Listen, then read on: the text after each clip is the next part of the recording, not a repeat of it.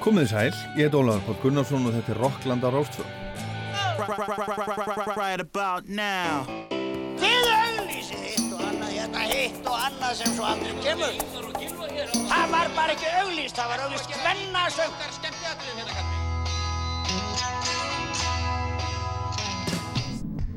Hvað gerir kvöld? Kíkja á tónleikana? Ekki? Það er ekki beint fyrir mig að vera innan einhverja brjála úlinga. Hvað minnur þau?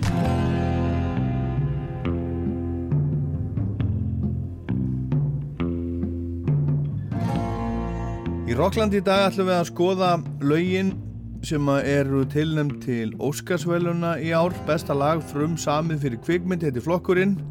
Heyrum öll þessi lög. Óskarsvælunum verða afhengt í kvöld eða, eða nótt í Los Angeles. Svo kemur Jakob Fríman Magnússon í heimsókn í setin hluta þáttarins.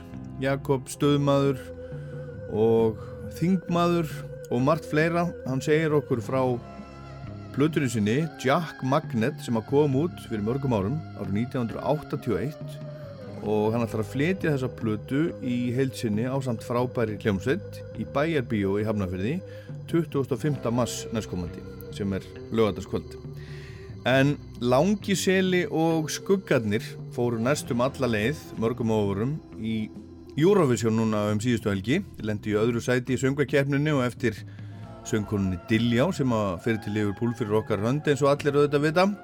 En langir sel og skuggarnir hafa verið starfandi bara næstu því eins lengi og eldstu menn muna. Þeir komu í heimsókn í Studio 12 á Rástfö í april 2019 þegar þeir gáfu síðast út plötu.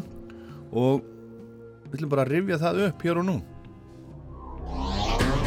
Hér í stúdíu 12 er komin alveg stór glæsileg hljómsveit sem, a, sem er búin að vera starfandi ára tögum saman. Eh, Ég var að horfa á, horfa á gamalt eh, myndskeið á YouTube frá Hemma Gunn 1980 og eitthvað. Þeir eru ennþá hérna langi seli og skuggarnir og þið, þið lítið eiginlega alveg eins út eins og þið lítið út á. Hvað 1980 og, og, og hvað eru að, að tala um? 85, 6? Já, alveg, kannski alveg upp í 8 Á- 88 88? Já. Er hljómsveitin síðan 1988? Eða, eða, Fyrsta, fyrsta plata hvað þá Fyrsta plata kom 1988 yes. Við kannski förum aðeins í, í söguna hérna og eftir en þið voru að senda frá okkur, okkur fjarlaga plötu til efni af, af alþjóðlega plötubúðadeginum Langi seli og skuggarnir, fjögur lög, bensinnið búið, einsi kaldi, borgarbúki og salt og pipar. Þetta er ótrúlega flott, flott plata, til að mikið með hana. Þakka þér Til að spila þrjú af þessum, fjó, þessum fjóru lögum Já. og, og ákveður ætla að byrja. Viljum að byrja á eins að kalda Gjörðu þið svo vel, Takk. Langi seli og skuggarnir. Ok.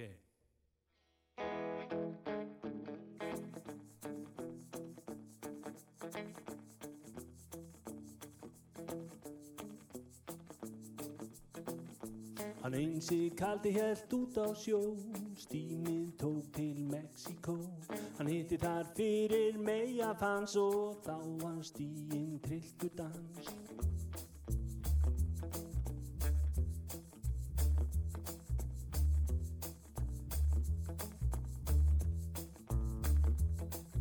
Nú dansinn var stíinn svo til þrauta laust Fyrir en varði var komið haust. Hann ákvað því að hafa þar vetur setu Og leiði sér herbyggi hjá Elisabetu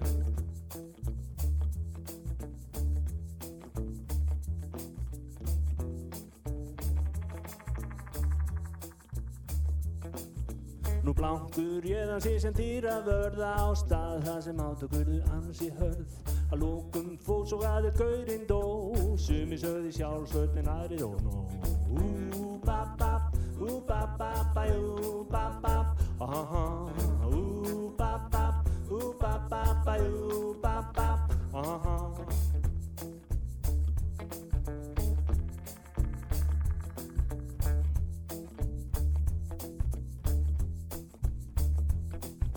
Nú einsi var dæmdur og í fangilsi fór þar sem ímsir buðust til að dríja honum hór. En einst að tósta steffa eftir töluvert fast því að fanga klefin var algjört rast Ú bap bap, ú bap bap, bæ ú bap bap Aha, ú bap bap, ú bap bap, bæ ú bap bap Aha,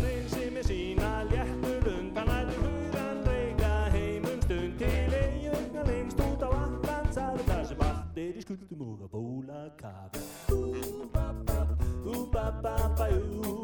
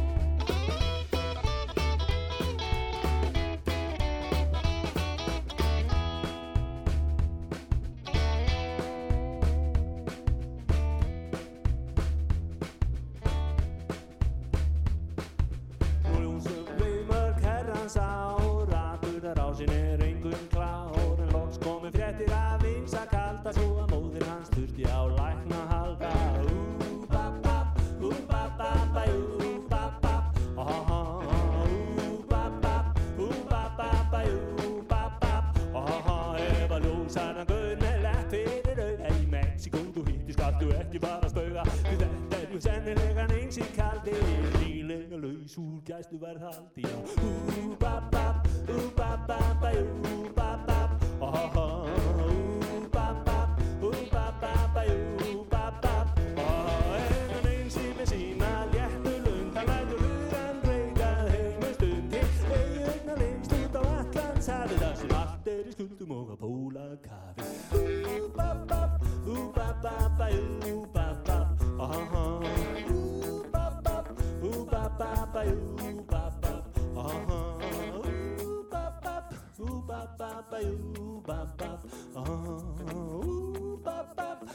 bap, bap, bap, ú, bap, bap Aha,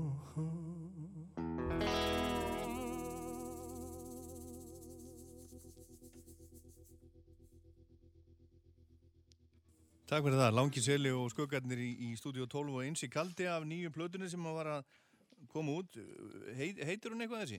Já, eiginlega bara bensinnið búið Bensínið er búið. Þetta er, þetta er svona fyrir nútímann sko að maður les bara fyrstu línuna fyrstu orðin skilur við, Já, þá er það komið já, Langi Seli og skuggarnir, bensínið er búið. Þess að fyrsta lagið. Já, það, það lag var spilað hérna á Rástöfu bara síðast í morgun. Það hefur hljómað svolítið hérna undanfarnar daga. Að Skemmtilegt lag, en hérna þessi einsi kaldi, e- þetta er líklega þriða lagi sem að er samið um einsa kalda. Það er hérna einsi kaldur eigunum sem að hver söng áttur í gamla daga. það var Er hann einsi kaldi úr eigunum? Nei, hver var það? Getur það verið óðinn? Ó- Ó- Óðinn Valdimarsson. Og svo var það út í eigum, var einar kaldi, stöðmenn, Já. og þá var þetta lag nummið þrjú. Er þetta, er þetta allt sami, Já, er þetta sami gaurinn? Mm, já og nei, þetta er svona þetta er svona þetta er þessi svona bjart síni gaur sem að leggur að staða til lífið og svo bara lenda með ný ímsu Já, menn lenda í alls konar, þetta er svona aðtarna skáld alls konar vesinni, já.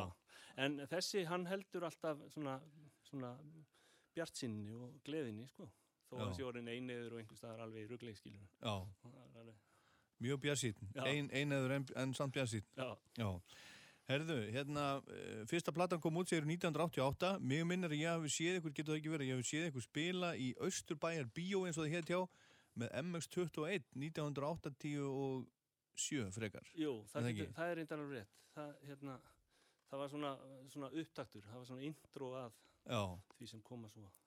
Hvernig, uh, hvernig byrjaði þetta?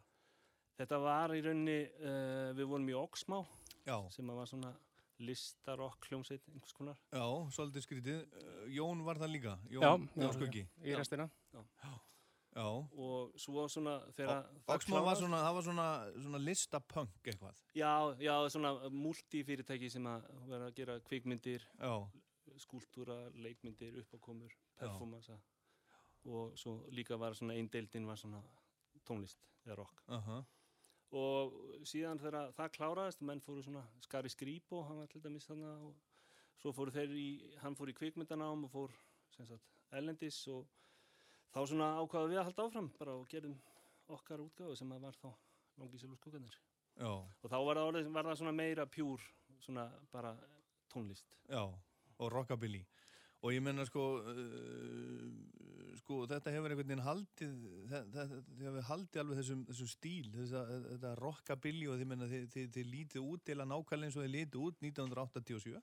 þetta er bara Svona í stórum, í stórum dráttum og það er svona sama lúkið og þú ert með svona Gretz ramaskítar með Bixby og, og Jón með svartan kontrabassa og, og, og Erik, eh, já, já, þetta er, þetta er svona, hvað er það í þessu, í þe þessari músík sem, sem hefur heillað eitthvað svona? Sko uh, við komum svona úr pönkinu á sín tíma sko, þegar, en hérna pönki fór fljótt yfir í svona ýmsat leiðir Mm og þetta svona post-rockabilly dót sem var í gangi, það er svona einhvern veginn hitti okkur mjög vel sko. þetta er svona, það er grúfið og, og hérna ákveðið attitút sérstaklega í sko post-rockabillinu sem að fór yfir í psychobilly og alls konar, alls konar deildi sko. það er ekki alveg svona eh, sugar candy dót skilur, þetta, þetta er aðeins grófara sko.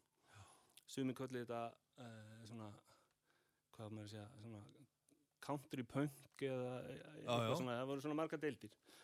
En já, það er svona grunnurinn bara, við, þú veist, svo kunnum við bara ekkert annað. Nei, og svo er þetta náttúrulega í, í grunni, þetta er náttúrulega bara hérna, Elvis og Johnny Cass og Carl Perkins eða eitthvað og, og, og, og svo er það svona ja, kannski langi seli og skuggarnir þeirra útlendinga er kannski Stray Cats Já, og svo eru fleiri svona restless og alls konar bönd sem, að, sem að er ekkert þekkt hérna og eru svona áttu sín moment, sko. Nei, en því að ekkit, þetta hefur ekkert þróast, hefur ekkert, það er ekki komin hljómbósleikar í hljómsveitina eða neitt, það er, þetta, er bara, þetta er bara svona, tríó. Það er frekar, frekar hún hafa minkað, sko, því við vorum fjóri, sko, það var alltaf einn auka gítar sem að, sem Okkur hefur haldist frekar illa á auka gítarleikara. Já, þetta er svona spænal tappið okkar.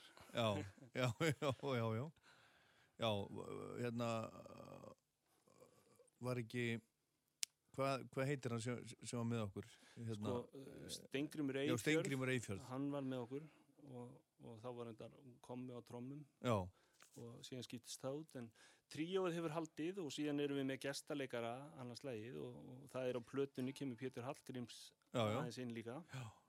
Og hann kemur vantanlega til með að vera eitthvað með okkur líka já, er það. já, Já, já. við vonum, vonumst til þess En Jón, hérna, ég tek eftir því að þú ert með hérna á, á, á hendinu sem að þú lemur bassan með, þá ertu með, ertu með hérna, plástur á tveimur fingrum. Er þetta, eru þetta uh, svo kvöldu bassameðsl?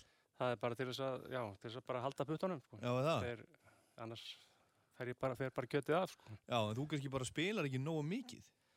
Það getur vel verið. Ha, Það er, þetta er staðalbúnaður rockabilly bassans n- nú er það? já, þetta er, þetta er bara, ég hef notað þannig tækni, sko. Þetta, er, þetta reynir aldrei mikið á, Já, á- lefum okkur að sjá aðeins.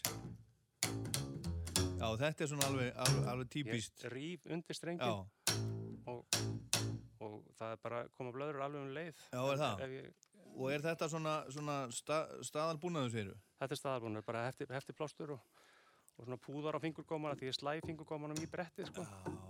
Þetta er, þetta er svolítið átök, sko. En er ekki búið, búið að finna eitthvað upp svona sem að getur aðeins svona, svona dempa þessi, dempa þetta tjón? Ég sko, maður þarf að hafa þetta hæfilega þund til þess að ná, finna gripið, sko. já, já. Til þess að hafa, ef þetta er of mikið, þá er ekki, er ekki líka, það líka geta blokkað, sko. Já, þannig að þetta á að vera svona.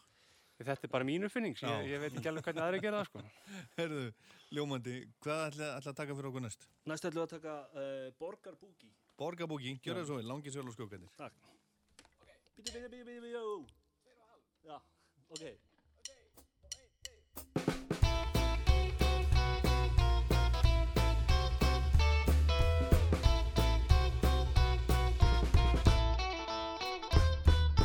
Kvöldið er komið og sest er sól.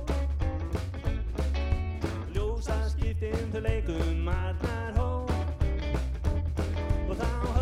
höldum við saman sem lið leikur niður á ból Kottu, kottu, kottu með mér, kottu út að dansa. Kottu, kottu, kottu með mér,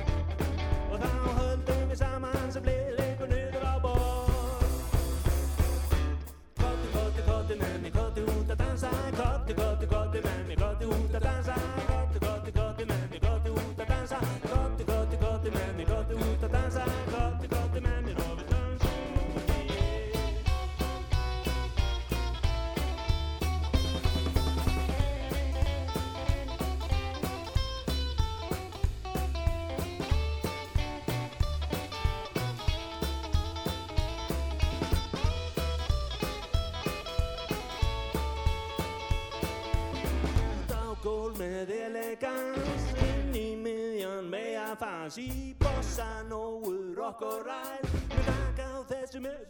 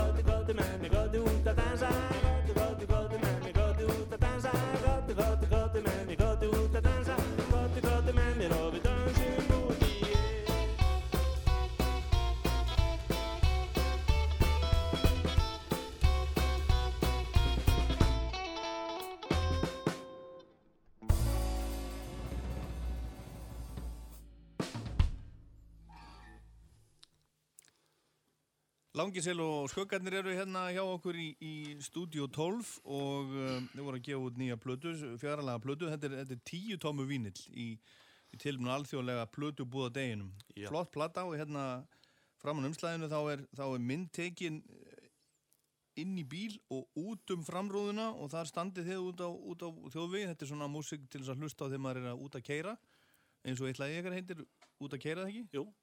En hérna, þessi, þetta mælaborð hérna, þetta er ekki, þetta er ekki, uh, þetta er ekki eitthvað sem er búið til í Japan, þetta er, hvað er þetta, Dodge eða Þetta, eh, hvað var þetta? Ekki, hérna, Cadillac. Cadillac?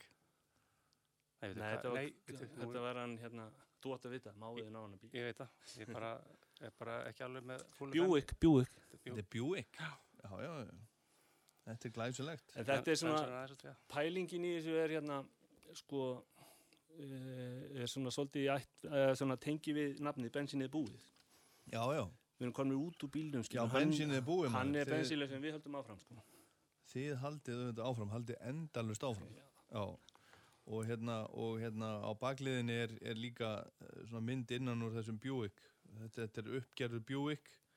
Hvað, hvað er þetta? 58 mótel eða eitthvað svona leys? Þetta er 57, Ha. 7, 57? Já, já. Nei, 58. 58. Herra, Þetta er, svo, þetta er árgerðin mín, 58. já, já, og svo fylgir hérna með, eða, eða fylgir þetta... Uh, Þetta fylgir fyrstu svona 100 seldum plötum. Svona brjópóki fylgir fyrstu 100 plötunum og, og langi sél og skuggarnir greiða. Já. Menn verða að vera svolítið fínir. Menn verða að vera greittir. Já. Notið allir svona? Já, var ekki bara, jú, jú. Ha, Jú, já. oft á dag. Svo, já, oft á dag þetta. Herðu, en hvað er svo, er svo hérna, framundan? Ætlið að, Það ætlið að fara eitthvað að spila? já, við verðum með svona útgáfu hóf á morgun, sem sagt í Lucky Records, Já, í tilefna af náttúrulega þessum degi. já, Og svo verða uh, útgáfu tónleikar sem eru stærri tónleikar, þá verða, þau verða 11. mæ, þá verðum við með á Hard Rock. já, já, Og þá svona, og síðan erum við að spila svona í kringu þetta bara og já, bara endilega ringja bara. En til að ringja bara ef þið viljið langa sél og skuggana. Og þetta er allt mjög svona stílisar. Þú ert með svartan grets og í svartum leði ekka og, og Jón með hennan svarta kontrabassa. Hver er saga þe þessa bassa, Jón? Ég fekk hann á hann, hann hérna, smött í uh, seldi mér hann. Já, já, þetta er, fræ, á, Hann þetta, var búinn að frægur bassi. setja hann allan í köku, hann, hann skemmtist í flugi og, Nú, nú, og svo gerði ég, ég, ég leti ég gera hann upp já, já, og þetta er svona rockabilly bassi já, já. og er bara komin í blundur form. En byrju, rockabilly bassi segiru, þú veist, er eitthvað annað en útliti sem, a, sem að gera hana rockabilly bassa? Er þetta eitthvað öðruvísi að menn eru, eru með í symfóniiljónsutinu til dæmis? Mm, Já, hann er alltaf öðru í sig. Er Já, það? þú veist, hann er bara, symfónian er allt eh, miklu belg meiri bassa, sko. Já, Já, hann er bara sér, sér hann aður fyrir, hann er örgulega, það má klifra á honum og svona, er það? hann er sterkur. Já, ok. Herðu, skemmtilegt maður.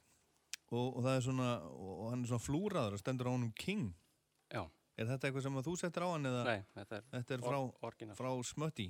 Já, þetta er bara frá, frá orginal. Já, þetta er bara, þetta er bara nafnið á hann? Já. Já, já. Rockabilly bassi, auðvitað vera með, vera með rockabilly bassa. Þannig að við ætlum að geta eitthvað. Já, en hérna Erik, Erik Quick, er, er, er einhverja sérstakar svona rockabilly trommur? Já, bara það sem er til á staðin. Já, er það? Ekki dvesen. Nei, ég held ekki. Nei, en þú ert með hérna Gretz úr tónastöðinni. Einmitt, einmitt. Er þetta ekki lægi? Jú, Þetta sem er hér? Þetta, þetta, þetta er glimrað svo mikið. Við leitt að það sest ekki hversu mikið fyrir glimrað er útvarpi. Já, já, eh, sem sagt glim, glimmer, Já, glimmer trommur. já, er- og glittur. Já, er það ekki alveg ekta svona, svona rockabilly? Jú. Líka, fyrst fóðu svona, þetta er svona plast, uh, klett á trómuna. Já, Það er mjög fínt fyrst ef að fólk eru að henda bjór á hljómsveitin Er og leta það- svona þurka af. er það algengt? Nei, kannski meira svona uh, sódavatn núna festa dagar. Já. En, en, Já, erðu, strákar, langi selur skuggarnir, til hammingju með, með hérna, plötuna, svo fló, flottu plötu Takk, takk. og, og til hammingju með alþjóðlega plötubúðadaginn og góða skemmtun á morgun og, og takk fyrir komuna í stúdíu 12. Á hverju ætlið að enda? Við ætlum að enda á bensinnið búið. Það sjálfsögðu. Takk að það. Já, gjör þið svo vel. Takk, takk. Takk.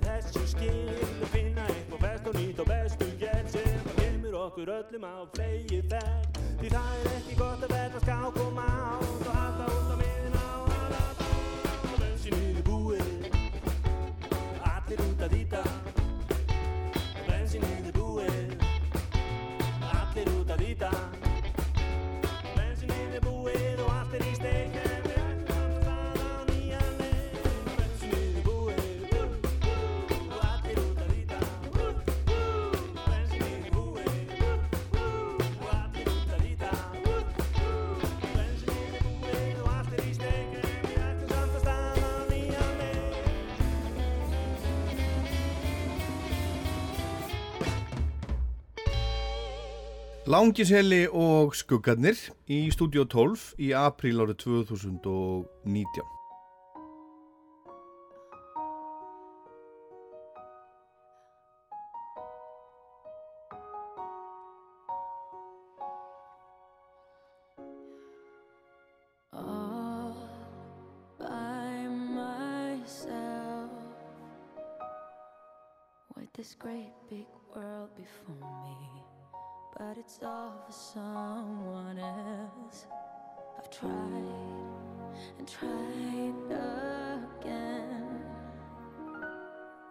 To let you know just where my heart is. To tell the truth and not pretend.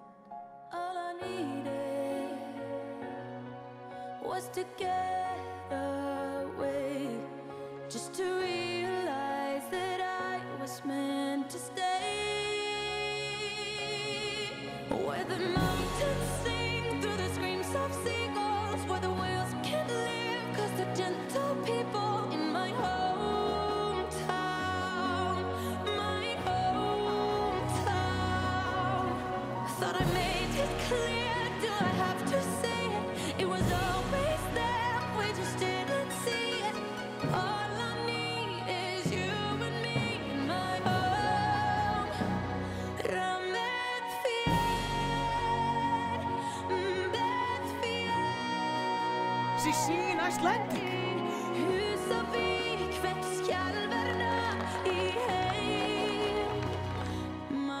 Já, hún syngur á, á íslensku. Þetta lag var tilnæmt til Óskarsvæluna fyrir tveimur árum í flokknum besta frumstanda lag fyrir kvikmynd og Óskarsvælunin verða, já þetta er úr Eurovision myndin hans Will Farrell sem var tekin upp á miklu leita á Húsavík en Óskarsvælunin verða afhend núna í nótt í Los Angeles eflust margir sem ætla að fylgjast með því það verður ekki sínt á, á rúf eins og það var ábyggilega í, í fyrra. En ég ætla að spila núna lögin sem eru, eru akkurat tilnæmt í þessum flokki. Besta lag frum samið fyrir, fyrir kveikmynd og það kennir ímissa grasa, það er mjög, mjög fjölbreytt. Og ef við skoðum aðeins lögin sem að hafa uh, hlutið velun undanfjöldum árum þá var það í fyrra, þá var það Billie Eilish No Time to Die úr Bondmyndinni svo var það Rocketman úr Elton John myndinni 2019 til dæmis Shallow úr A Star is Born Lady Gaga 2018 Uh, það var lag úr La La Land 2016 City of Stars. Svo var það Writings on the Wall Sam Smith úr, úr Spectre bondmyndinni uh, Let It Go Frozen var 2013 Skyfall, bondmyndinni Skyfall Adele, Paul Epworth 2012 2012 Man or Muppet úr uh, Muppets myndinni 2011 We Belong Together 2010 úr Toy Story Randy Newman og The Weary Kind Ryan Bingham og T-Bone Burnett 2009 úr Crazy Heart uh, Slumdog Millionaire lagi Jai Ho A.R. Rahman það var 2011 2007 var það svo Falling Slowly Glenn Hansard Írin Glenn Hansard og Marketa Írglófa sem er, er hún ekki orðin Íslandingur komum íslenskan ríkisborgarrétt búin að búa í Íslandi í mörg ár. Það var 2007 svo var 2006 An Inconvenient Truth myndin lag sem að heitir I Need to Wake Up eftir Melissa Etheridge og svo framvegis og svo framvegis en til að spila hérna lögin 5 sem eru tilnæmt í þessum flokki og fyrst er það lag úr úr kvikmynd sem að heitir Everything Everywhere All at Once og þetta er mynd sem að er svona að vera að tala um að fái kannski uh, einhver velun í kvöld. Og þetta er svona, þeir kalla þetta absurdist comedy drama film. Og myndin segir frá konu sem heitir Evelyn Wong sem er kýmversk, amerísk innflýtandi sem hún kemst að því þegar, þegar skatturinn er að, er að yfirheyrana að hún svona er til í mörgum vittum, hún er, hún er til í, í uh, mörgum heim þessi kona og hún er með einhverja ofurkrafta og eitthvað svona leins. Ég er búin að sjá trailer um myndinni og ég er mjög spenntu fyrir því að sjá hana. Og lægið úr þessari mynd heitir This is Alive og það er flutt af, af Son Lux, Mitski og David Byrne og David Byrne, Ryan Lott og Mitski eiga lægið.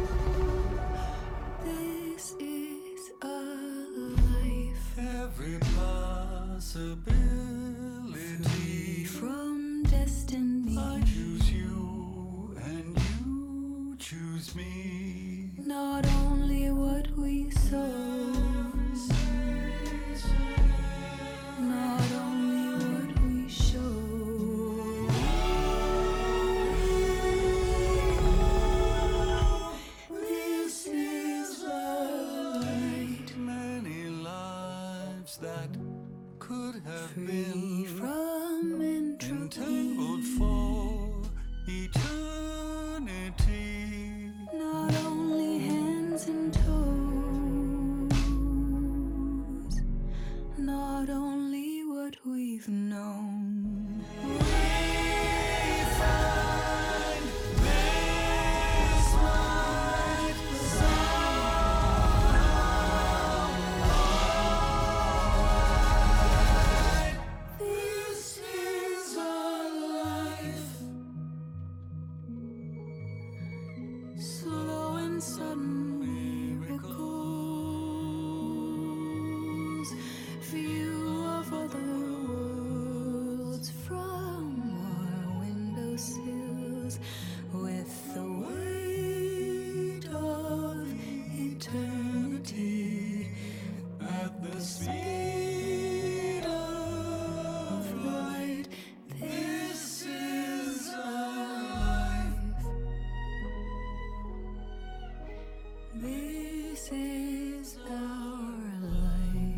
Eitt af lögunum 5 sem er tilnæmt til Óskarsvæluna í floknum lag, besta lag frumsamið fyrir kvikmynd Son Lux, Mitski og David Byrne This is Alive og þetta er úr kvikmyndinni Everything, Everywhere All at Once sem að uh, ég er mjög spenntu fyrir að, að sjá, ég ætla mér að, að sjá hana.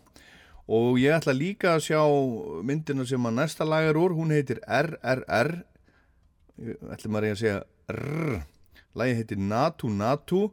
Og hann fjallaði um þessa mynd í pistli í Víðsjá á Rás 1 núna einhvern tíman í haustan Gunnar Ragnarsson sem að er líka til dæmis söngvari, var söngvari í Jakobinurínu og Grísalappalísu. En hann segir stórmynd ásins berið einkennilega heiti RRR og kemur frá Indlandi um er að ræða rúmlega þryggja tíma þeysirreið, stútfulla af bandbrjáluðum hasar, atriðum, lífsgleði, kýmni og frábæri tónlist og dansi, sjónarspil versins og ímyndunaraflið og færnin sem í því fels kemur áhörfundanum sífælt á óvart með nýjum og steghækandi hæðum þar sem fjör og fegur haldast í adrenalín sprengtar hendur. Þvert á við flestar stórmyndir samtímans stendur RRR fyllilega undir lengdinni þar sem grípandi dramatískri frásögn er miðla með örfandi hasarnum á þann hátt að helst langar mann að byrja upp og nýtt að loknu áhorfi, segir hann inn að sögja. Ný og fersk nálgun á listformið er engar fágætt og þar með dýrmætt en efnistök SS Radjamúlins leikstjóra vekja slík hughrif að þessu leiti spilar fáfræði mínum Indvest þjóðarbíó og fyrri verkleikstjórans var ávalnítið einnig inn í. Þetta segir hann Gunnar Ragnarsson en þessi mynd er sem sagt uh, frá Indlandi og þetta er fyrsta lægið úr uh, kvikmynd frá Indlandi sem er tilnæmt til Óskarsvæluna og þetta lag uh, fekk Golden Globe í þessum sama flokki núna fyrir stuttu. Þetta er að tjekka á YouTube myndbandinu við lægið, það er, það er sínt brot úr, úr myndinni og það er algjörlega bara geggjað. Þetta eru Rahul Sipligun og Kala Bariva og lægið heitir Natu Natu Song.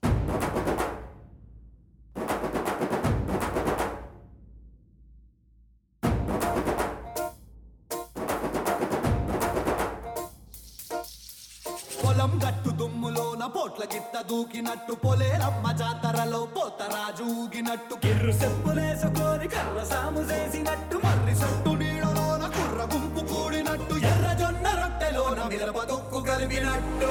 నా పాట చూడు నా పాట చూడు నా పాట చూడు. నాటు నాటు నాటు నాటు నాటు నాటు వీర నాటు.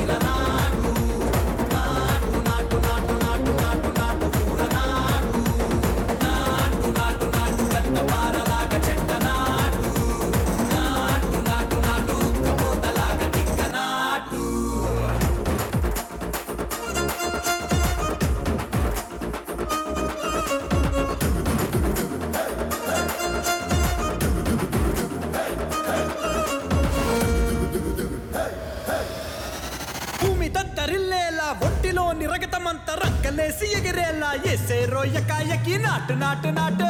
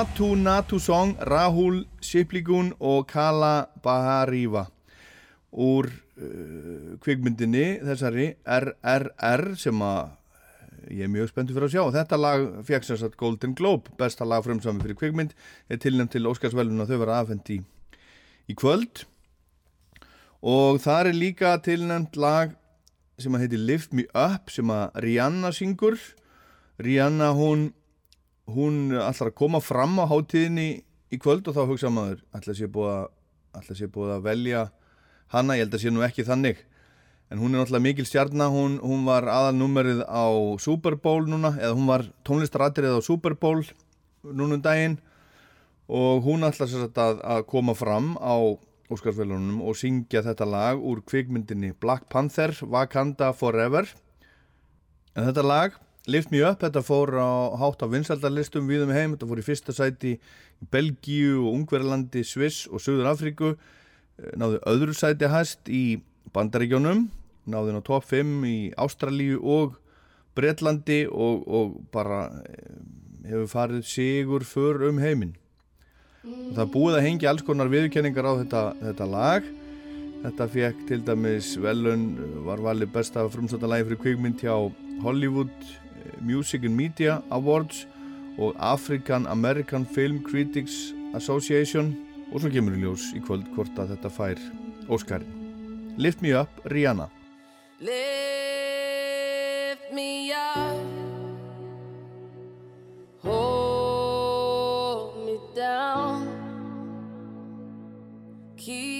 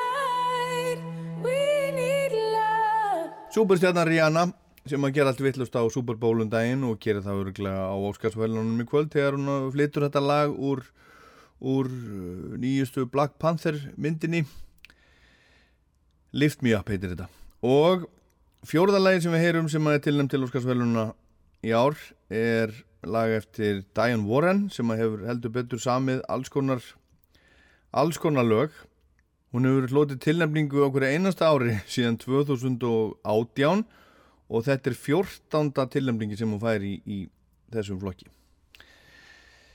Það er ekki smá. Og hún heitir Sofía Karlsson svo sem að syngur lægiðinnar Applause fætt 1993 og vakti fyrst aðtikli hjá Disney. Fyrsta platan hennar kom úr 2015 og hún syngur þetta lag sem að heitir Applause og lagi sem að hún er tilnæmt eða Diane Warren er náttúrulega tilnæmt fyrir lagið sem höfundur, hún syngur þetta bara. Hún heitir Tell It Like a Woman þessi mynd. Og þetta eru sjö smásögur um konur um, uh, öllu leikstýrt af konum. Og það eru konur sem, eru leikstjórar og það eru konur sem eru, eru tökumenn og alls konar. Og þessi mynd er tekin hér, hér og, og þar um heiminn.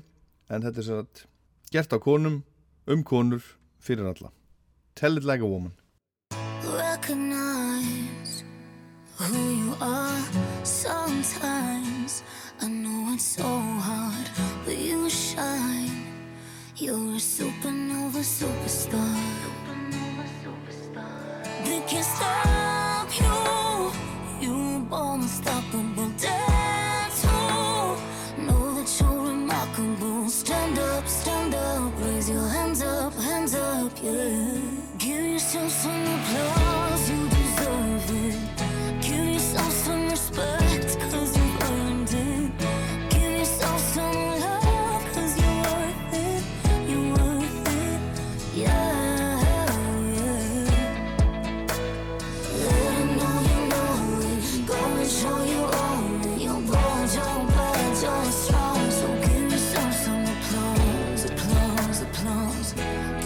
so some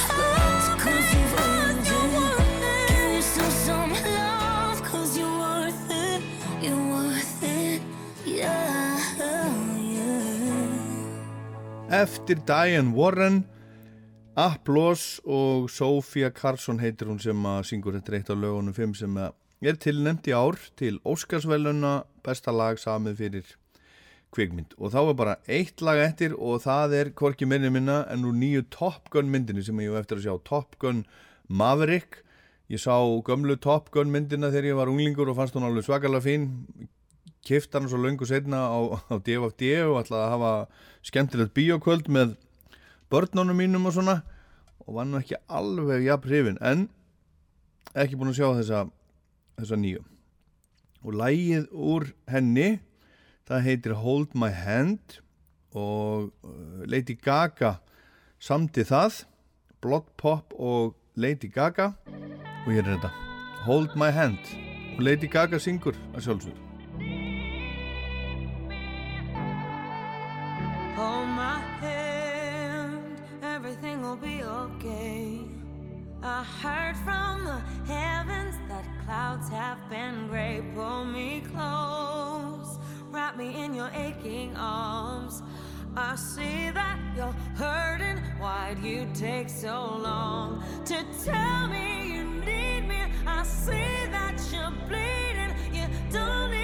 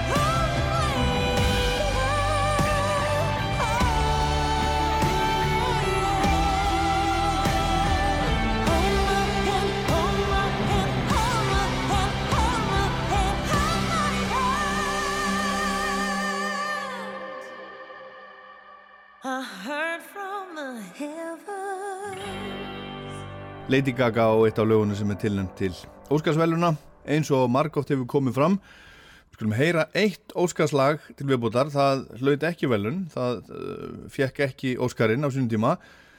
Fyrir nákvæmlega hálfri öld 1973 þá fekk Óskarinn lag sem heitir The Way We Were úr samnendri kvikmynd sem Barbara Streisand söng. En það ár var líka tilnæmt þetta lag hérna sem heitir Live and Let Die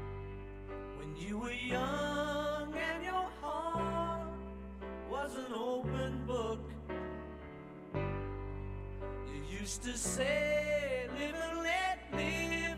You know you did, you know you did, you know you did. But if this ever changing world in which we live in makes you give in and cry,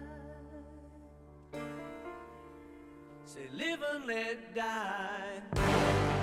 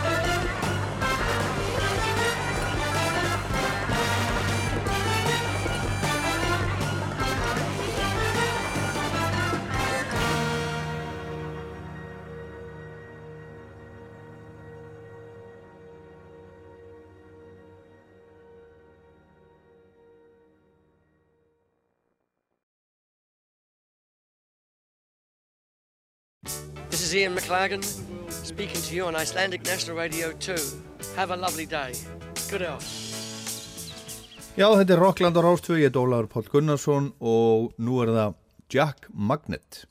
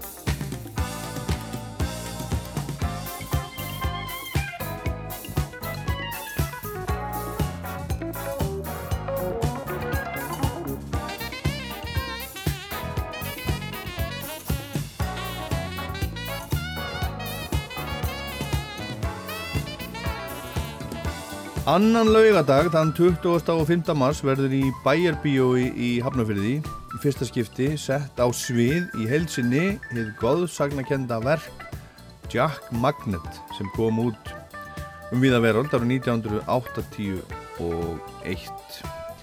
Þetta er plata Jakobs Frímans Magnússonar sem að hafði skömmu áður gefið út svona fyrstu sólarplötu í bandaríkjónum undir merkjum Warner Brothers, plötu sem heitir Special Treatment en Jack Magnet er eh, að mörguleiti frábröðin þeirri plötu meira í ætt við Horti Róðan sem var hans allra fyrsta soloplata sem kom út á Íslandi 1976 undir merkjum hljómblötu útgáfunar Steinars sem að Jakob hafði reyndar komið á fót á samt Steinar í Berg og fleirum. En Jakob hafði þarna undan stýrt upptökum á fyrstu plötu stöðmanna sumir á Sílandi á samt stöðmunum og það er verk segir hann sjálfur, sem speiklar á vissan á þróun skemmtana og neyslu menningar Íslandinga á setni hluta 20. aldarinnar. Jakob og Stöðmenn hljóðrituðu líka á þessum tíma konceptblötuna Tivoli sem er eins konar þjóðfélags ádeila í anda kaldastriðsins sem inniber marga skraudlega karaktera eins og Kveitibjörn og Svartabjötur og Herra Reykjavík og Fríman flugkappa sem er, er eitt af alter egóum Jakobs Frímans sjálfs og þar er verið að fjalla um svona æfintýra gætna og kannski stundum tækifæri sinnaða Amerikana flughersins á Keflavíkuflugvelli. En mál málana í dag er þessi plata, Jack Magnet og Jakob er mættur í Rockland til, a, til að segja frá. Er þetta ekki svona konceptplata uh, eða, eða er það setni tíma koncept? Nei, nei, koncertplata var það sem lagt var upp með. Þetta eins og á sömri á Sýrlandi, Tífali og Hortiróðan Aha. Special Treatment og Jobbi Magadón og dýrin í sveitinu voru millibils undantekningar frá koncertinu Já. Og svo hafa komið ímis koncert síðan. Já, en hvaða sko af hverju, af hverju varstu svona, svona konseptilega í tilverunni? Já, sko, það er uh, tengt því að uh, móður mín sálu sem var þetta mikil áhrifavaldur í mínu lífi eins og gengur hún setti það einhvern veginn inn hjá mér að farði nú inn í stofu búðu til eitthvað konsept eða búðu til eitthvað tema og farði svo að spinna í kringu það á piano eða eitthvað svona. Já, hún sagði það? Hún sagði þetta og ég hef verið svona 11 óra 12 óra eitthvað sluðis Já og þetta bara greiftist inn í heila bergjurna á mér. Og allakvöldur síðan er ég alltaf með einhverja vingla eða einhver koncept í því sem ég geri. Og, og hefur þetta verið þetta góðs, Jakob? Já, eða, eða hefur þetta hindraði eitthvað? Ekki svo ég viti. En, en það er svona sko eins og þegar ég gerði til dæmis pianoplötuna sem var römmuð inn bara fliklinu sjálfum þar að segja. Já. Það voru bara hljóð úr fliklinum, bassastrengi plokkaðir og mm -hmm. það var bassinn og háir strengir og gítar, hljómar spilaðir aftur og bak voru strengirnir og síðan var sem sagt uh, grúfin voru búin til bara með því að banka á viðarkassan. Uh -huh. Þeir eru með svoleiðis ramma sem virðist tröngur, þá verður frelsi sköpunarlistarinnar algjör. Búa sér til ramma fyrst. Já, já. Ég á búin að gera það með líkamannu líka, Human Body Orchestra og þetta. Þannig að þetta er allt öðruvísi rammi, þetta er annars konar koncept og ekkit að þessum konceptum er líft nema kannski, það er líkt með Horti Róðan sem er handan móðu uh, hugleiðing, mann sem er farin í hinstu för, honni í djúb sjávanis Í Jack Magnet áttaði mig á því löngu síðar að konseptið um hérna yfirskilveitlegu krafta sem hægt er að virka er í rauninni megin innihald þeirra blötu og ekki síst þegar ég hitti nú fyrir sjálfan sko raunverulega Jack Magnet Íslands sem heitir Njálf Torfason og getur allt sem að minn Jack Magnet harmonikuleikar frá Arnarstapa gat í sögunni. Hugsaður þetta svona, svona í alvörinu á sínum tíma að, að, að Jack Magnet væri harmonikuleikari frá Arnastapa Já, já, sagan í stuttumáli er svo að hann er harmonikuleikari frá Arnastapa og er bara að spila hér og þar. Átt að sjá því fyrir tilvílin að hann getur með segul orku líkamans látið málum hluti festast. Einhver leiti er þetta nú innblásið af Júri Geller. Já Og það hafa í gegnum tíðin að veri til svona sögur af einhvern svona segulmagnuðu mönnum. En, en þessi er sem sagt þannig að uh, hann, uh, hann fyrir að gera þetta meðfram harmonikuspilinu og veku mikla káttínu sveitungana, snæfellsnesi og svo kemur uh, amerískur liðsmaður af Varnar keflauguvelli og sér þetta og flytur hann með sér vestur og hann endar sem sagt í, í því að vera að láta gafla honga utan á sér. Já. og það fylgir, þetta er bara ameríski skemmtarnabræð sem fylgir því ímislegt bílífi, misholt. Og að lokum er hann búin að brenna kertið í báða enda þannig að kraftarnir eru á þrótum og hann þarf að fara aftur heim Já. á snæfisnesið að endur hlaða batteri. En þetta, þetta byrjar hérna á læginu sem við spilum við náðan, Meet Me After, After Midnight sem er nú kannski þekktasta lægið af þessari blödu. Mm -hmm. hvað, hvað er að, þú veist, gerast þar ef, ef við förum aðeins? Þetta eru alveg svo í sjálfsög hort í róðan, þá er þetta svona sneiðmyndir úr af lífslaupi og þarna er í rauninni bílífið fólkið í heimsóknum á svona vafasamt hótel sem er kallað Adult Motel Arthur's Hideaway. Það raunverulega var til ekkert langt frá þessum að ég tók blötun upp Já. mér finnst það mjög skondið fekk hendur hann að fara inn og skoða, það voru speiklar í loftum og svona handjátn og allskins er svo kvölda adult motels Já, já. og þetta er partur af þegar, þegar sveitapilturinn er búin að uh, ekki bara forframast heldur for uh, d- drukknast þar að Já. segja í, í bílífinu já. þá er þetta syndumspiltur maður sem Já, að já. smá saman missir sitt mótjó Akkurat. Herðu, ok, og svo, svo er næsta lag þarna eftir, það heitir Movies. það er þetta bara það er uh, upplifunar geirinn í nótskurn og það að vera innan um fólki sem er í Tinseltown eins og það heitir þar sem að allir eru með hugverk í maganum. Já. ekki magaverk, heldur hugverk. Og heitir þjón á veitingastaða hann er ekki þjón, hann er leikari. Já. býð eftir næstu bíómynd og, og, og þetta er bara þannig að þú ert að hitta einhvern úr heimi bíómyndina, sveitapilturinn stígur þarna í vang við, við leikonu úr bíómyndunum og uh, það eru bara, það er eitt af fjölmörgum minningarbrótum svona þegar verður að horfa yfir farin veg og allt er þetta gert með tunguna út í kinn Já.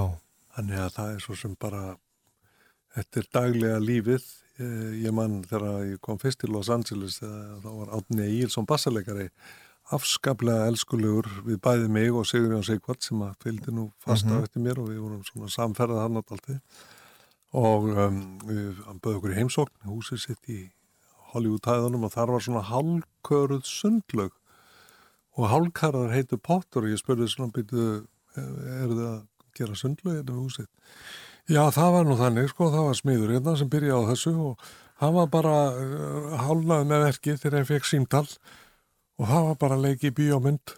Og, og hvað heiti maðurinn? Harrison Ford. Já, er það? hann, var, hann, var, sérst, hann var ekki smiður, nei, nei, hann var leikari, hann var bara Já, svona já. að drepa tíman og afla... Og þetta er sönnsaga? Það er sönnsaga. Þetta er bara Nei, mjög... Harrison Ford var að vinna hjá Átna Egils í Já, bara smíða sundlög í fyrir hann sem hann kláraði aldrei. Allt gerist in the movies. Skulum heyra movies. Came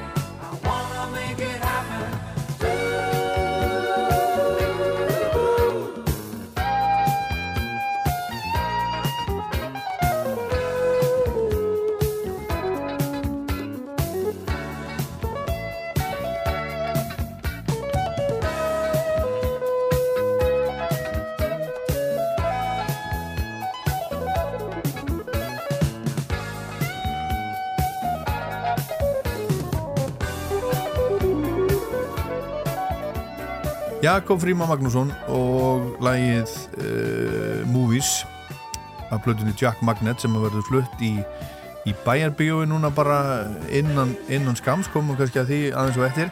En þú varst að tala hérna um Jakob að þetta er svona uh, þetta er svona Ameríka og þetta er, þetta er mjög amerísk plata, hún kemur úr 1981 það, það er sko það er engin tenging hérna fyrst mér við það sem var að gerast til dæmis í í sko músík í Breitlandi þarna sem var svona post-punk og, og uh, nýromantík og svona þetta er, þetta er Amerika og þú ert Og- náttúrulega þarna í þú átt heima í Hollywood á þessum tíma. Ég langar aðeins til þess að byggja um að fara því þetta er sko, þú ert nú búin að segja, segja mér og, og öðrum þessar þessa sögur oft en sko ef við förum aðeins yfir bara sko tímalínuna. Horti Róðan kemur úr 1976 það er fyrsta soloplataði Mhm. en hvernig er svona, ef við bara stiklum og stóru ef við tökum bara, þú veist, Sumar á Sýrlandi hún er tekin upp í London 1975 og, og kemur út 1975 Tífóli 76 Tífóli 76 Þar áður voru 74 tvær litla plötur hann er mjög meiri með að dröma okkur begja Já. það fór beint í fyrsta sæti 74, fyrsta lagið okkar og hið síðasta 2018, nú þarf að koma Mhm. nýtt, Ólafur. ak- en allavega, þarna er 75, 6 og svo er Horti Róðan svo er Horti Róðan hún er, hún er bresk Já, nei, hún er uh, tekin uh, fyrst í hóf upptökur á henni í Los Angeles Já. eftir mjög mikla svaðilför frá New York, ég kefti bíl í New York. Hann var ámyndi umbósmaður, útgefandi okkar uppalugur, hann vildi að ég svona... Stumana? Já, launaði nú uh, það að, að hafa uppgöt á okkur sem recording artists Mhm. og, og, og vildi að ég gerði stjórnað upptökum á plötum í Ír. Já. Ég var þá búinn í raun að kaupa miða til, til New York til þess að aka þaðan yfir til Los Angeles. En hann samfærði mig um það, ég gæti ekki neita hann um það að stoppa í New York í þrjárvikur og gera írplötuna og kvítabakka tríóð beigð bara á hótelum á meðan og svo kefti ég station bíl og settum græðunar aftur í og brunuðum yfir til LA með viðkomu í Salt Lake City og þar hófu við upptökur sem sagt kvartettin sem var Preston Ross Heyman, minn nánasti vinur en þann dag í dag í Breitlandi Alan Murphy, sálu ég, eitt fremsti gítarleikari breyta mörgum þekktum hljósvið, þeir voru báði liðsmenn Kate Bush um árabil sko, hennar. Já, já. og svo John Giblin, bassalegari og við byrjuðum í Record Plant í Bandaríkjónum í, á Sunset Boulevard.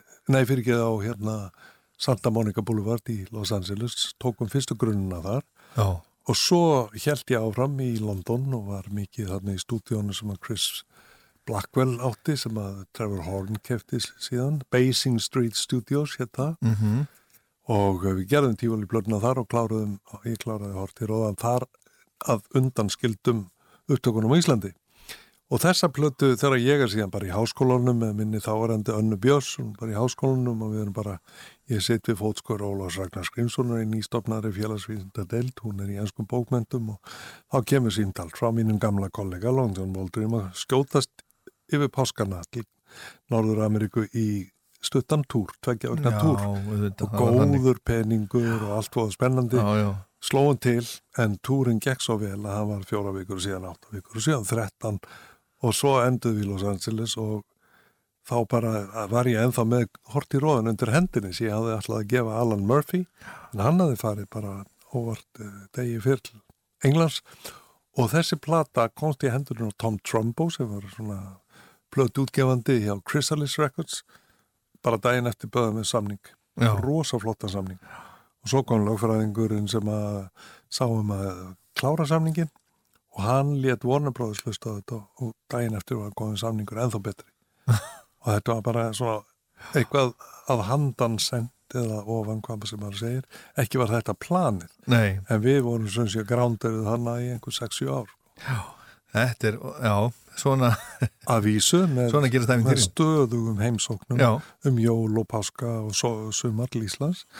Því að þetta var minn kjarni sko félagslega voru bara mínu mentaskóla vinnir, stöðmenn Mhm. og ég saknaði þeirra óskaplega allan tíman þannig að fyrsta tækifæri sem gafst ymmit á þessari Jack Magnet plötu það nýtti ég til þess að taka upp lag af sem að var til á leið okkar frá uh, Norður Skotlandi til London að fara að taka upp tífulblöðuna, lægið Herra Reykjavík. Ah, nýrri Úrat. útgáfu djassari Já, við ætlum að, við ætlum að heyra það hérna, hérna rétt og eftir en þetta er svo, svo, við, svo við aðeins uh, fyrir mjög dættur þá er það sem sagt þá er það sem sagt sumar á Sýrlandi svo kemur Tífoli, svo kemur hérna Hort í Róðan Allt- 76. allt konceptplötur. Já, og, og svo er þetta næsta plata Jack Magic Nei, Eh, nei hérna Jack fyr- Magnet Nei, það er sem sagt, uh, kemur einn þarna á milli, Special Treatment Já, já. Fyrst kemur uh, EP sem heitir Jobbi Magadón og dýnin sveitinni sem er einhvers svona bara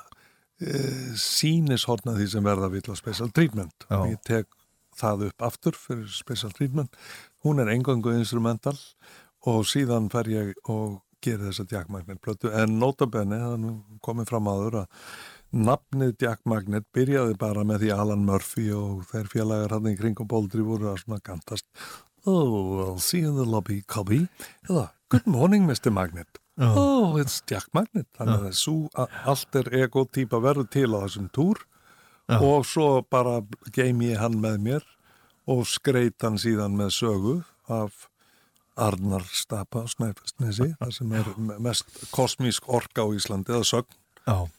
Herðu, við skulum heyra uh, lagið sem að koma út á, á tífuliplötunni fyrst, komum svo aftur þarna með ennskun texta Passion Fruit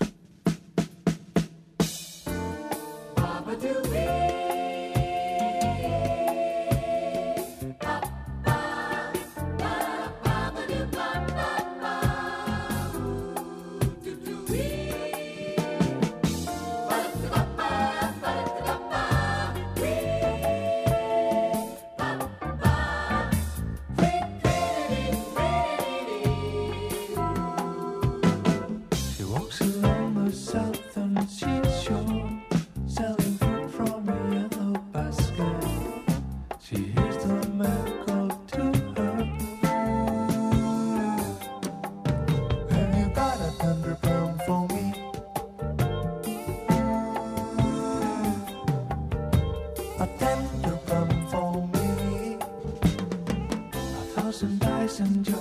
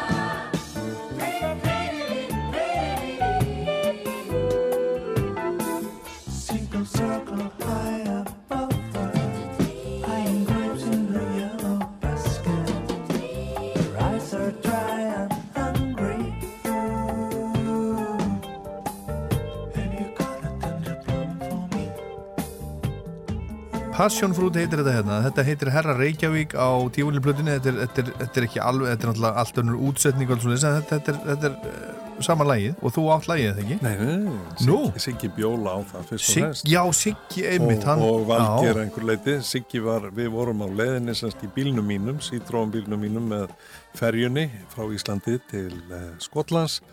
Lendum í norður uh, Skotlandi og ókum niðri og ákvaðum að, að á og ég hafði gist á einhverjum stað tjekkum okkur inn á hótel þar sem er brúðkaup í gangi. Já, og erum bóðinir í brúðkaupsveislun og inn á herbyggi bjóla var ekki mikið fyrir svona veisluhöld er bara að dúrla sem er gítarinn og þetta kemur. Og ég hef alltaf verið óskaplega hrifin að þessu þannig að sko mín löngun til þess að láta mína gamlu vini tengjast uh, þessum útgáfum mínum hann í Ameríku, hún, hún speklaði spennlega sig því að ég valdi þetta lag. Og hvers vegna valdi ég þetta lag því ég hef búin að setja að tengja við það svona einhver uh, forkabla og millikabla og bakkabla með djössuðum hljómum Mhm. og svo fekk ég eitt fremsta útsetjara Hollywood bara síðan í 60s uh, Bill Brown til þess að setja í þetta rattirnar og Bill Brown er sem sé fadir Paul Brown sem hefur verið upptökustjóri minn undanfæran ár á mínum plötur sem hafa verið að koma út Vestanhafs og í Japan og viðar. Hann var trommuleikari með Long John Baldry áður en að á turnum árinu áður en ég kom og hann var fyrsti maður sem ég heiti Los Angeles. Hann býði mér heim til sín til fóröldra sinna í Amigo Place.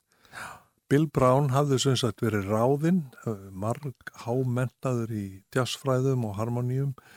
Frank Sinatra réðan til þess að koma og stýra sínum bakrata kvartett. Þar var fyrir á fleti Sue, unnusta Frank Sinatra og hvað gerist? Þau byrja að starfa saman. Bill Brown útsettur og syngur með í bakrata kvartetti Sinatra en þau renna saman í eitt, Sue og Bill og geta af sér Paul Brown, dásalega mann sem er búin að vera söluhæsti jazzartist í bandaríkjana árum saman og upptökustjóri breytti sér úr trommara í, í fyrst í upptökumann og síðan í upptökustjóra og svo í gítarleikara og eigin plötum og annara. Sum sé, ég fekk þennan uh, góða mann sem hafði reynst mig svo vel þegar ég bóði þarna. Uh, Akkur tekur ekki til í gamla fermingarherbyggjunni þínu Pól og býr til æfingaplass fyrir svo Jakob geti byrjað að finna músikanta og gera demo upptökur og eitthvað svona? Hann átti frumkvæða þessu öllu. Já, já. og, og hérna ég ákvaði ég svona gefa hann smá business ráðan til starfa. Og hann söng þetta sem að við vorum að hlusta á með konu sinni Sú og dóttur þeirra Kathy, sýstur Paul sem var gift, gift honum Guy Babylon, keyboardleikara Elton John sem að dó og ég notaði lag eftir hann á fyrstu blötunni sem Paul Brown prodúseraði með mig 2016 Já, hérna. Það er, það er verið að sína leikrit í borgarleikursunum sem að heitir Nýju líf. E, Já, það- Særu fyrir þeirra að það væri, væri gert svona ný önnur síning sem heitir 29 líf Jakobs Frímans. Já, Og- já, og- þetta er og- alveg 29 líf 29 líf og nú ertu sko, nú ertu á Alþingi Já. og það kom nú örgulega mörgum á óvart að þú skildir, þú skildir hérna, bjóðaði fram fyrir, fyrir eh, flokk fólksins Þó ekki Nei, en ég menna, þú veist, ert ekki, ert ekki gamall alþjóðuflokks og Jú, samfélkingamæður? Já, ég er fyrst og ennst uh, hægri krati Já. og fann mig mjög vel í aldurfloknum og, og leið ákvæmlega vel þar, það var mjög skemmtilegur félagskapur. Samfélkingin ekki alveg eins, það var ekki, var ekki minn uh, dvalarstaður, um, en þegar Inga Sæland byrjaði að hamast í mér, þá þá afþakkaði ég pent. Svo sagði hann, þú, ringd hún þrís og sagði, þú er allan að koma að drekka kaffi með okkur. Já. og mæti ég þar ekki bara gamlu skrifstofu fólki af alþjóðflokks skrifstofunni. Þau hlófu bara að sagði við erum hérna gamlu kratarnir þínir Já. og svo var ég nýbúin að missa minn elskulega Tómas Tómasson bassarleikara úr, úr mínu lífi Mhm. afskaplega eindislegur ferðafélagi og sé þarna á skrifstofunni annan Tómas Tómasson sem var þá búin að ákveða að bjóða sér fram Tómas kendi við búlun og hann var einmitt fyrsti umbósmaður stöðmanna og fyrsti tónleikahaldari stöðmanna utan mentaskóla. Auðvitað. Þannig að það var eitthvað skrifað í skín. Já, já, það eru- eru ský- ský út um allt. Eftir fjórða símtal þá sagði ég bara já við yngu og sé ekki eftir því. Nei, en hvernig, hvernig ert, ert að fíla þetta? Bara virkilega vel. Já. Þetta er frábær vinnustæður, frábært fólk sem er hérna bæði í, í, þingmenn og starfsfólki. Góðu fílingur? Algjörlega. Já. Menn greinir á um leiðir og allt þetta en Jesus, En er það ekkit, er það ekkit hérna, dýbra heldur en það? Er þetta bara svona, Nei, það er bara mjög... er ágreiningur á yfir, yfirborðinu Nei, og það allir er sama, bara, sko, saman það í kaffi? Það eru held ég allir að stefna í sömu átt bara eftir mismunandi leiðum, mismunandi áherslur. Þannig er það bara í lífinu. Og svo geta maður verið kvassir í stóli en, en blíðir mjög í, í, í hátvegismannum. Er það? Já, já. Já, já. Það er bara þannig. Það er að halda margir að þetta sé einhver ægileg úlfa greifja en það er bara alls ekki þannig.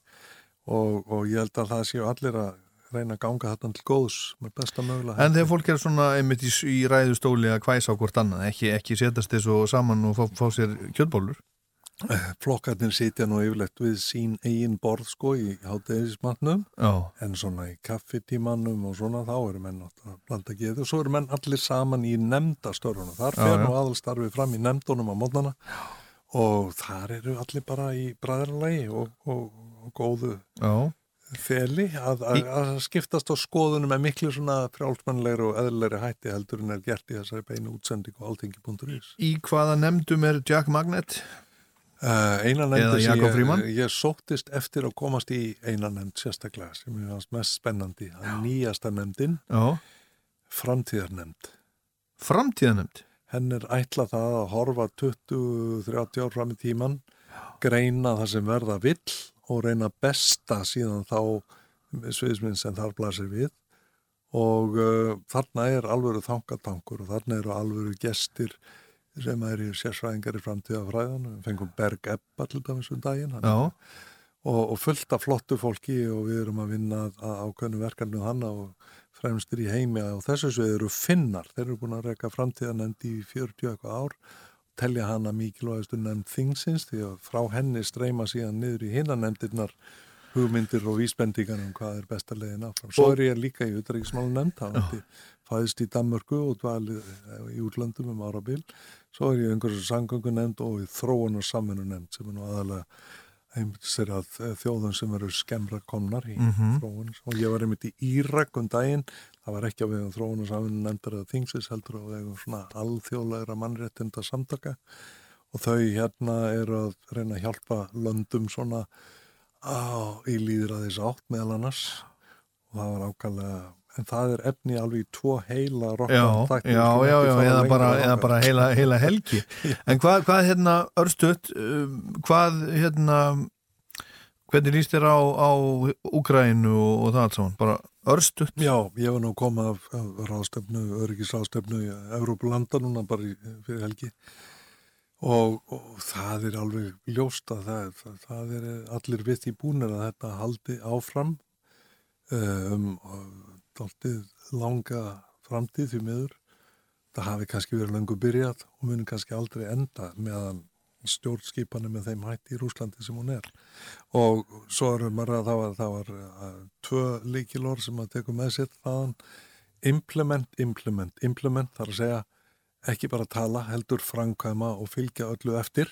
Það er heilmikið búið að gera og hjálpa og allt það en það er fullt eftir og svo er heitt málið er að þetta rússar eru framar flest, flestum þjóðum í svona því sem að heitir leini þjónusta uh, Secret Service Surveillance Er það- er það þannig? Þeir eru opbóslega langkomnir í því og með þurfa að hafa sér allan við til þess að og við uh, erum nú að heita hér á morgun ferðarfélag okkar frá Írak eh, sem er sérfræðingur í svona öryggismálum og Aha. leini þjónustumálum Skulum ekki gleyma því að sko frægasti leini þjónustumadur allra tíma var ættaður um þetta Snæfellsnesi William Stevenson sem að James Bond er byggður á svo segir í byggðarsatninu Gr- grundarfyrði það gerði til skænsti Já, já, akkurat.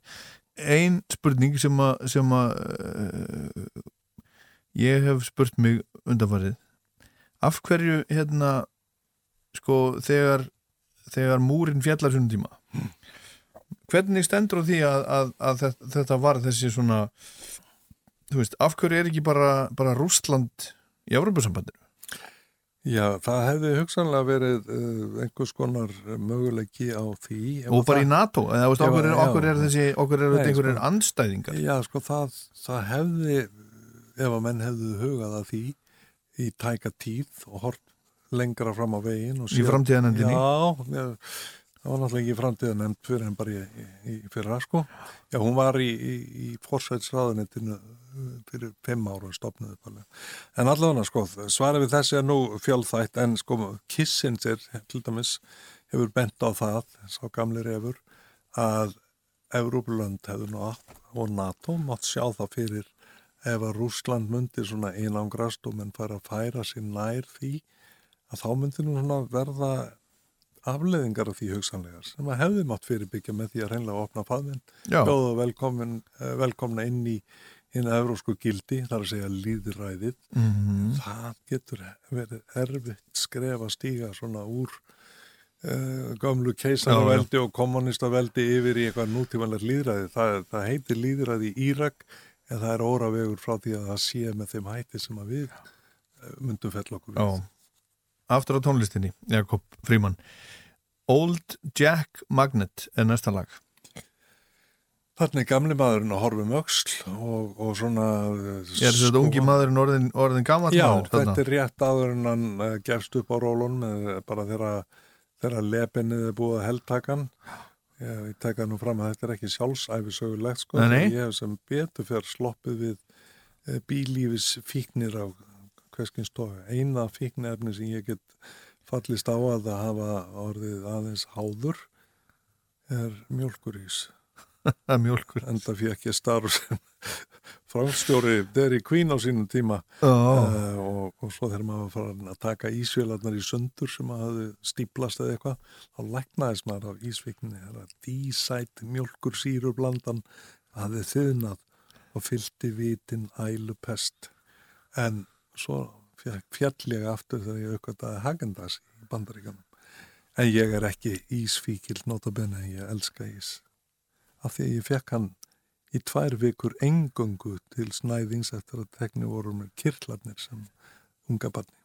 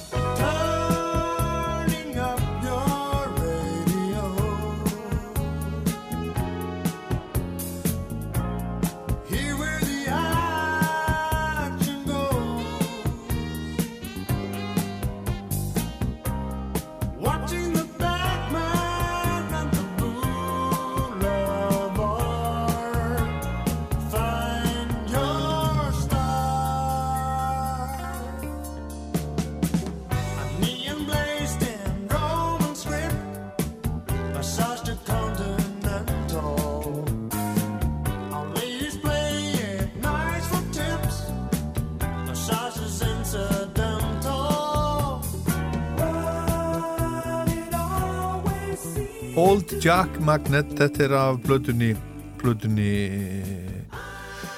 Jack Magnet sem á komið ára 1981 og Jakob Fríman ætlar að flytja með íslenskri hljómsveit, ekki þessu mannu sem eru þarna, þarna með þér á, á blötunni, þú ert með topp man, mannskap með þér, áðurum fyrir mig það, þá langar maður aðeins að heyra að því að þú ert í, við vorum að ræða hérna um sko, störðin í framtíðanemdini hvað er svona efst á baugi? Hvað ber framtíðin í skauti sér Jakob Fríman hvað er í kristalskúlinni Ég, Já, hvað er helst verið að ræða það? Já, það sem Í ég- orðstöðumáli Það er nú bara í stuttumáli verið að skoða aðalega sko með hvað hætti tæknibreitingar er að fara að breyta líf okkar og, og gerfi greindin hvernig hún er að fara að þróast í, í áttir sem geta verið hættulegar. Og gerfi greindar fólki fara að hafa vitt fyrir okkur Erum við að tala um Skynet? Við erum að tala bara um allskins möguleika sem við erum að horfa núna sko hvernig við getum nýtt tækni lausnir, svona stafræna tækni til þess að hraða svona okkar vegferð í, í, í grænum lausnum. Það er eitt verkefni af fjölmörgum sem þarna er á dagskrá en, en sko framtíðar músikinn hins vegar sem að ég er að einbytta mér að núna því að spyrja um framtíðina það sem ég geri meðan aðri fara á kóraæfingar eða í, í golf eða út eða túr eða eitthvað sluðis þá er ég alltaf að skapa músik eða gera eitthvað þannig. Það heldur mér svo glöðum og, og ánæðum uh, fyrir þetta að vera bara í fæði með fjölskylduna með hindaslóum börnum mínum og einhvern þá er svona að þá var farið í síðsumars í hljóðverð hérna norður í landi Akkúrat. og búin til sko framtíðar músik eins og við ímyndum okkur að hún megi verða eftir eh, einhver árið ára tíu engar klísjuleðar engin hefðbundin hljóð eða hljóðfæri heldur músik sem að á að koma manni óvart og á næra mann og gleðja mann sem er ekki hugsuð út frá sko vinsaldalistum eða einhverju slíku. Instrumental músik með söng og þar var alveg ótrúlega skemmtilegt að vera í góðu eh, samneiti við hérna já, mína fjallega uh, Guðmund, eða semst Eithor Gunnarsson var, og Ragnhildur Mhm. Íslandóttu voru í þessu Eh, Einar Skeving Seitrug Valdursson Phil Doyle og síðan uh, Þorlefur Gaukur hefur komið að þessu Ari Bræi og, og Jól Pálsson og, og svo hérna Pítur Örskin og Veðri Bort og svo uh, æðislega flottur bassalegari sem að á hér tvo síni upp á Íslandi sem er Matthew Garrison, hann er svona Jamie Garrison bassalegara hérna Coltrane's Já, og já. Guðsonur hérna Jack DeJohnette trommar að Miles Davis þeir vinna saman í dag Guðu feðgarnir og hann kom hérna hitti sinni sína miklu fagnaða fundir Sem hans. gera hvað hér? Þeir eru bara unglingar. Ég bara uh, fekk síman hjá Matthew Garrison þegar að dótti mín var í bekk með Lukasi sinnas og hún gaf mér síman hjá Lukasi, ringdi í Lukasbaðan og gefið síman hjá Matthew og þeir komu báður hér fagnandi og kvílík sæla að vera í þessu kompaníi með þeim að það norður í landi við hafið, við Haganesvík. Þannig að sko einn svoleiðis uh, sko upptökur hrína heldur manni glöðum og, og fullum tillökunar sko næstu mánuði og missir. Já, þú ert sér búin að taka upp bara plötu. Heila. Heila plötu? Já, já. Ertu með eitthvað sem er, sem, sem er þetta að heyra þessu? Það er ekki búið að hljóðblanda en ég leiði þér kannski að heyra örlítið brot af einhverju sem að er að fara í hljóðblöndum bara strax eh, um helgina Já. í bandaríkjunum. Þannig að það er búið að ljúka öllu sem að þurft að gera á Íslandi. En þetta... eh, Heyrum smá okay. tóndæmi, segðu frá. Já, þetta er þetta bara, þetta er svona einhvers konar, þetta eru hreinheimar með uh, melodíum. Í þessu er ekki sko söngur, það er söngur í flestum öðrum. Svo bara hlusta á svona instrumental spuna sem síðan tekur á sig form og melodíur hér og þar og ýmislegt.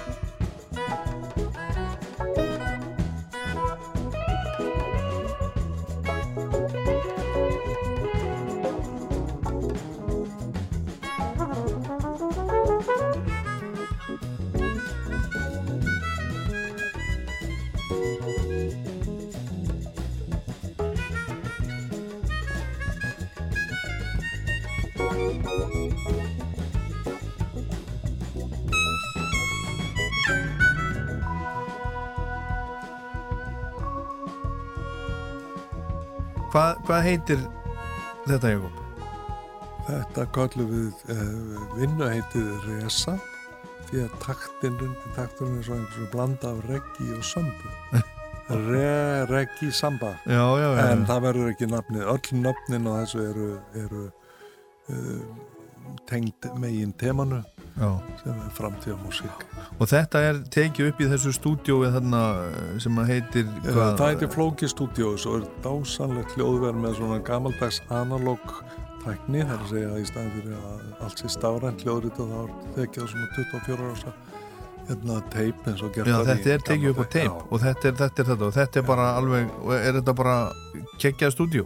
Já, þetta er bara flottasta stúdíu og besta sem ég hef nokkur sinni komið í, held ég geti sagt, já, það Vá. er svo góðir ströymar, það er allt um kring. En, Og þetta er í, í Hagnesvíkin í fljótum? Já, já, þar sem að Gauðfélag skakverðinga var með, með út í bú á sínum tíma. Já, já, já. Og, og, og hvenar uh, kemur þetta svo út? Og er þetta undir, undir þínu nafni? Er þetta Jakob Fríman eða, eða við- JFM eða? Ja, þetta er nú svona meira sam, samvinnu verkefni. Já. Þetta er bara svona future forecast, er, er koncept í þessu og svo, svo er, svo tekum maður kannski páskana í bara skýrabarnið. Já, sem já. gerir ekki annan. Úr vígðu vatni. Já. Herðu, hérna, tónleikarnir í bæjabíói, þeir eru aftur? 25. mars, lögadaginn 25. Já.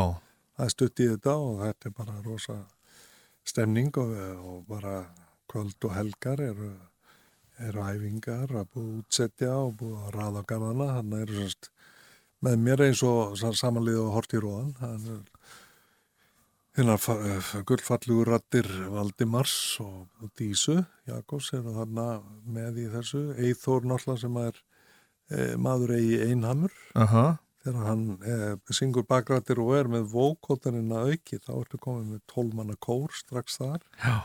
og svo með vinstri hendinu geta hann að spila á fjálmar kljófari samtímis. Já, já. undrabatnur eskil í tíu Mhm. og síðan er þetta hérna Gummi P, gítarleikarinn og svo er hérna Jóel Pálsson. Þetta er svona Jack Magnet Quintet uh, line-upið eins og það hefur verið svona þegar við hefum spilað. En þetta er þetta popverkefni þó að það séu þarna instrumental númer þá er þetta í rauninni svona popmusik bara á, eins, og, eins og ég vil, vildi hafa hana þarna og, og myndi alveg standa við hopparni því sem að gert var en þann dag í dag. Og um, við vorum alltaf með Bill Champlin hann í bakgröðum sem var söngvar í Chicago. Og hann syngur bakgrættir sem sagt allt frá dýfsta bari tónu upp í hæstu sopranrattir ótrúlegt átsvið og það ætlum við að dekka með með Valdimar, með Dísu, með Eithóri og Já. Guma B. Svo er Robert Þórhalsson bassisti og, og Dotti Þórhaldur Þór Þórhalsson fær frí úr nýju lífum til þess að spila þess Nú, það er bara þannig. Þetta er nú svona nokkuð einn það öflugasta lið sem við eigum og svo eru fleiri blásarar og koma, koma fleiri þarna að þessu. Já. Við ætlum bara að gera alveg geggjaða tónleika og, og ég hlakka mikið til. Þetta er elexír og vítamin í, í að örlíti breyta tilvist eftir, eftir það sem að tóka að sér hér í fyrra. Já, en þessi plata kom út 1981, svo kom tvær systur, hún kom út 82 árið eftir, já, já. hún er tekin upp í, í Bandaríkjunum. Ameríku líka Já, og sama ár kemur með alltaf reynu. Já, og það breytið allt í kursinum. Já, þú ætlaðir að vera meira úti en svona, svona- það kallaði þig heim. Ég verð ekki alveg kent að sko félagslega þó var átt fullt af svona ágætisvinum og kunningjum í LA það var engin með þennan þessa undiröldu sko í andanum eða, eða húmórin eða svona skemmtilegheitin sem að mínu góðu félagar í stöðmunum og hafa alltaf staði fyrir. Og það er bara ég, ég varð að velja á milli þess að vera áfram þarna svona innan mjög skemmtilegt lið sem að ég átti það engum og sérlega bara saminlegt með að, að vera músisera þannig að sko þegar myndin tók þetta rosaflug sem enginn sá fyrir þá breyttist auðvitað allt í lífið. Þá svo fór ég að gera fleiri myndir. Ég fór að gera Nikkelfjalli þannig með Home Box Office. Og það var svona kannski fyrsta guðmyndi sem að þeir unnu við nýskrinnur skóla Sigurðan Sigvardsson og Steve Golin. Og fullt af liði sem hafi verið með í alltaf hreinu. Sami kvikmyndatökum maður og, og svona. En allavega þá er hérna Uh, já, svo tóku við fleiri myndir og svo tóku bara við alveg rosalega mikil og skröðlega og skemmtileg spilamennska með, með Jakob. uh, hljónsitt allra landsmanna. Jakob Fríman 29 líf, nýr söngleikur í já, þjóðleikur? Um, ég, hugsa að það er að vera fyrir göðu í lögadalsvöld Lögðarsvöld, akkurat. Herri, ég ætla að lefa þér Jakob að velja loka lægið af Jack Magnet. Já, ég- þú þekkir þetta betur heldur ég. Já, sko, lokalægið er bara lokalægið, það heitir Redneck Riviera. Þú vilt spila það? Já, það er auðvitað kannski, við verðum með eitt svoleiðis lag á þessum tónleikum, það sem að svona verður blá- blásið í og, og hleyft á skeið Já. og þetta eru ansi skröðlegir menn sem eru þarna með og, og þetta verður bara spennandi að, að flytja þetta svona Já. í lokin. Heldur þú Inga Sæland mæti? Hún er í New York. Hún er í að- New York, já, hérna. Ég á ekki vona því, en Nei. ég veit það ekki samt, en það get aldrei vita hverju verða konur heim og Þetta, uh, það er fullt af fólki búið að melda sig inn eðlilega og þetta er bara frábær staður, þetta var, ég minna, Horti Róða var alveg geggjað, eh, geggjað viðburður og Já, það tekur svo vel utanum hann og Mhm. gaman hvernig Páll Eyjálsson sem var nú umbúrsmaður Bubba í, í nýju lífunum öllum eh, meira að minna hefur eh, sko gjör breytt hafnafyrði bara úr svona hálgjörum sveppa í menningarbæ Akkurat. og allt hagkerfi fer á fljúandi jú. Hinnar- hinnar skapandi greinar. Já, Já. sem bara allir veitingastæði og já. bara fyllist þegar það eru svona konsert, gaman að vera En Jakob, ein lokaspurning Ætlaru að, að bjóða þið fram heldur aftur til þings? Sko, ég er nýbyrjaður Já, en ég menna, þú veist Já, Þú, þú ert í framtíðan já, já, já, ég, sko, miða við stöðin í dag þá var ég svarið já. Mér finnst þetta gaman, þetta er skemmtlegt og þetta er bara eh, með ég hef orku mína óskerta þannig að það sem að margir velta fyrir sér og ég þar á meðal, sko, hvernig hvernig það getur verið að ég sé með sömu orku og gleði í mér eins og ég var þegar ég var bara 29 Jakob Fríman Magnússon, takk fyrir komin var ánægðin Og góða skemmtin í Bæbí Takk fyrir ekki alveg Og þannig slá við botnin í Rockland dagsins. Jakob allar að spila með hljómsveitinu sinni eitthvað, eitthvað stöðmanna, einhverja stöðmannamúsík bara svona greatest hits JFM og, og stöðmenn fyrir hlje og svo Jack Magnet í heilsinni eftir hlje en ég minna Rockland á netinu, rú.is og er úr spilaranum alltaf og í sömum hlaðavarpsveitum ég heit Ólar Pál Gunnarsson. Takk fyrir að hlusta og verðið sæl